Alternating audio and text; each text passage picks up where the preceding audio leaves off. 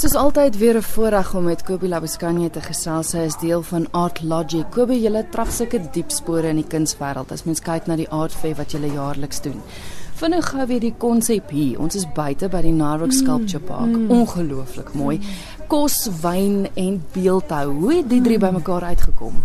Weet jy, ons het nou nadat ons die um, Art Fair gedoen het vir so 4 jaar, ehm um, en baie navorsing gedoen het met wat die wat mense wil hê. Het ons agtergekom dat daar eintlik nie so baie plek is vir beeldhou in Suid-Afrika nie. Ehm um, dit dit 'n hele ander plek en kulture um, in Amerika waar daar baie spasie is, ehm um, in Europa en en ander plekke in die wêreld, maar ons het nie dit het te doen met um, befondsing, maar dit ook te doen met met spasie wat wat waar mens beeldhou kan wys. Ehm um, so wat ons geleer by die Art Fair is wat ons ehm um, die Suid-Afrikaanse audience van hou is 'n is 'n kind of 'n 'n full experience. Dit is nie net die kuns nie. Hulle is mal oor die kuns, hulle kom vir die kuns, maar hulle kom vir die dag. So wat ons wou gedoen het is 'n dag uit dag uit wat jy kan jou kinders in die kar laai of nie en jy kan wegry en dit voel asof jy nie meer in die stad is nie. En hierdie is net 45 minute, so ry, maar jy is regtig iewers anders. Ja. En toe was ons natuurlik ongelooflik gelukkig dat Nyrox op daai stadium geontwikkel was en dit is net, uh, weet, dis is ongelooflik om rond te kyk hier om te sien. Maar dis dis landscape, maar dit is ook baie natuurlik. So, ehm um, en ons het ook 'n baie goeie verhouding met Franschhoek toerisme ontwikkel. Um, ons het 'n bietjie werk met saam met hulle gedoen daar in Franschhoek en dit is natuurlik die culinary heart van Suid-Afrika. So hierdie is nie net kos en wyn nie, dis Franschhoek se kos en wyn.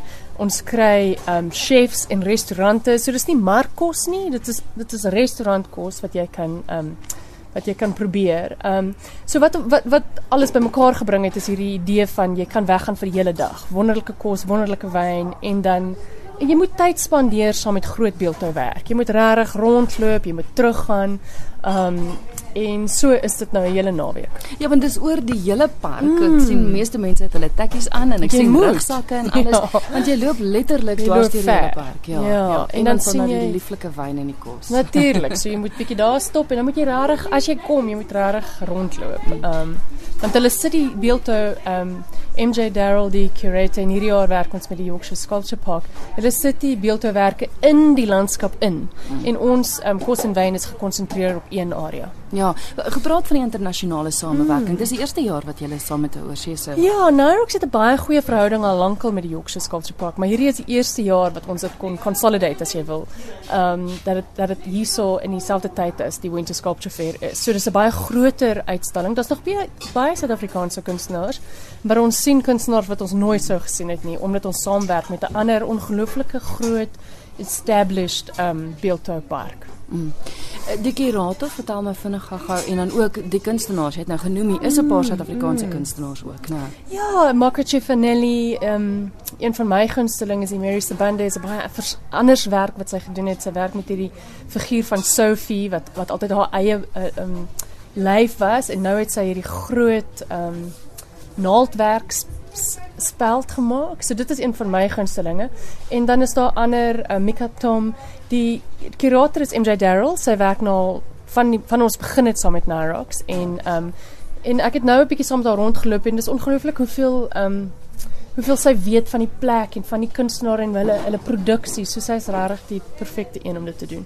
Is dit dan ook sy wat die kunstenaars kies wat deel is van die uitstalling of hoe gebeur daardie proses? Ja, saam met um, Benji Liebman wat um, Nyrox um, onderhou en besit saam met 'n paar ander mense. Um, hy is ook vreeslik in die kunswêreld in en dit is 'n vreeslike lang proses. Um, hulle werk saam met die kunstenaars. Hulle hulle befonds saam om want baie van die groot beeldhouwerk dis nou die probleem. Dit is ongelooflik duur net om die brons te kry. Um, dit betaal nie noodwendig vir die kunstenaars tyd nie. So dit is 'n baie lang proses. Uh baie keer oor jare en dan werk hulle saam, ja.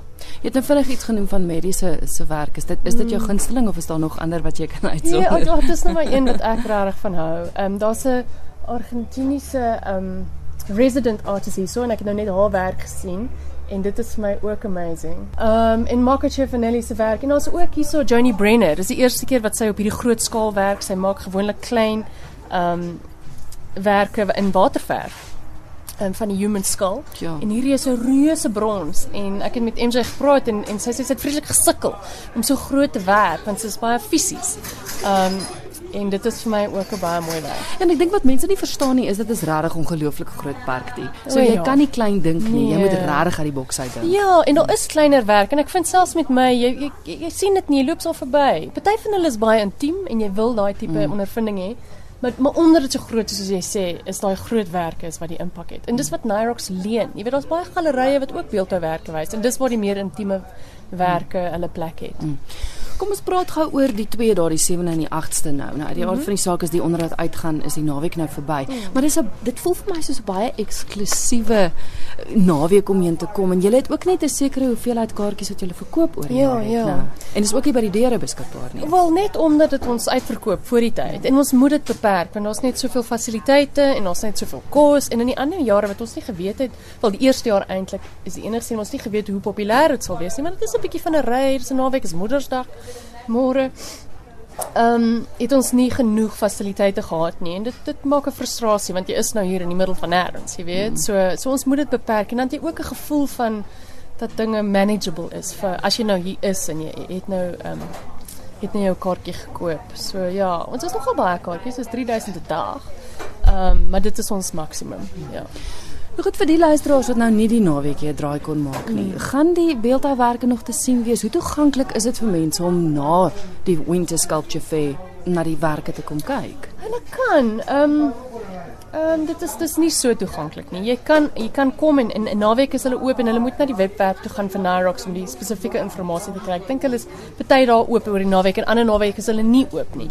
Ehm um, so hierdie is regtig jou jou jou kans, maar daar is dis nie jou enigste kans nie. Maar luisteraars moet maar 'n knoop in die oor maak vir volgende jaar. Definitief.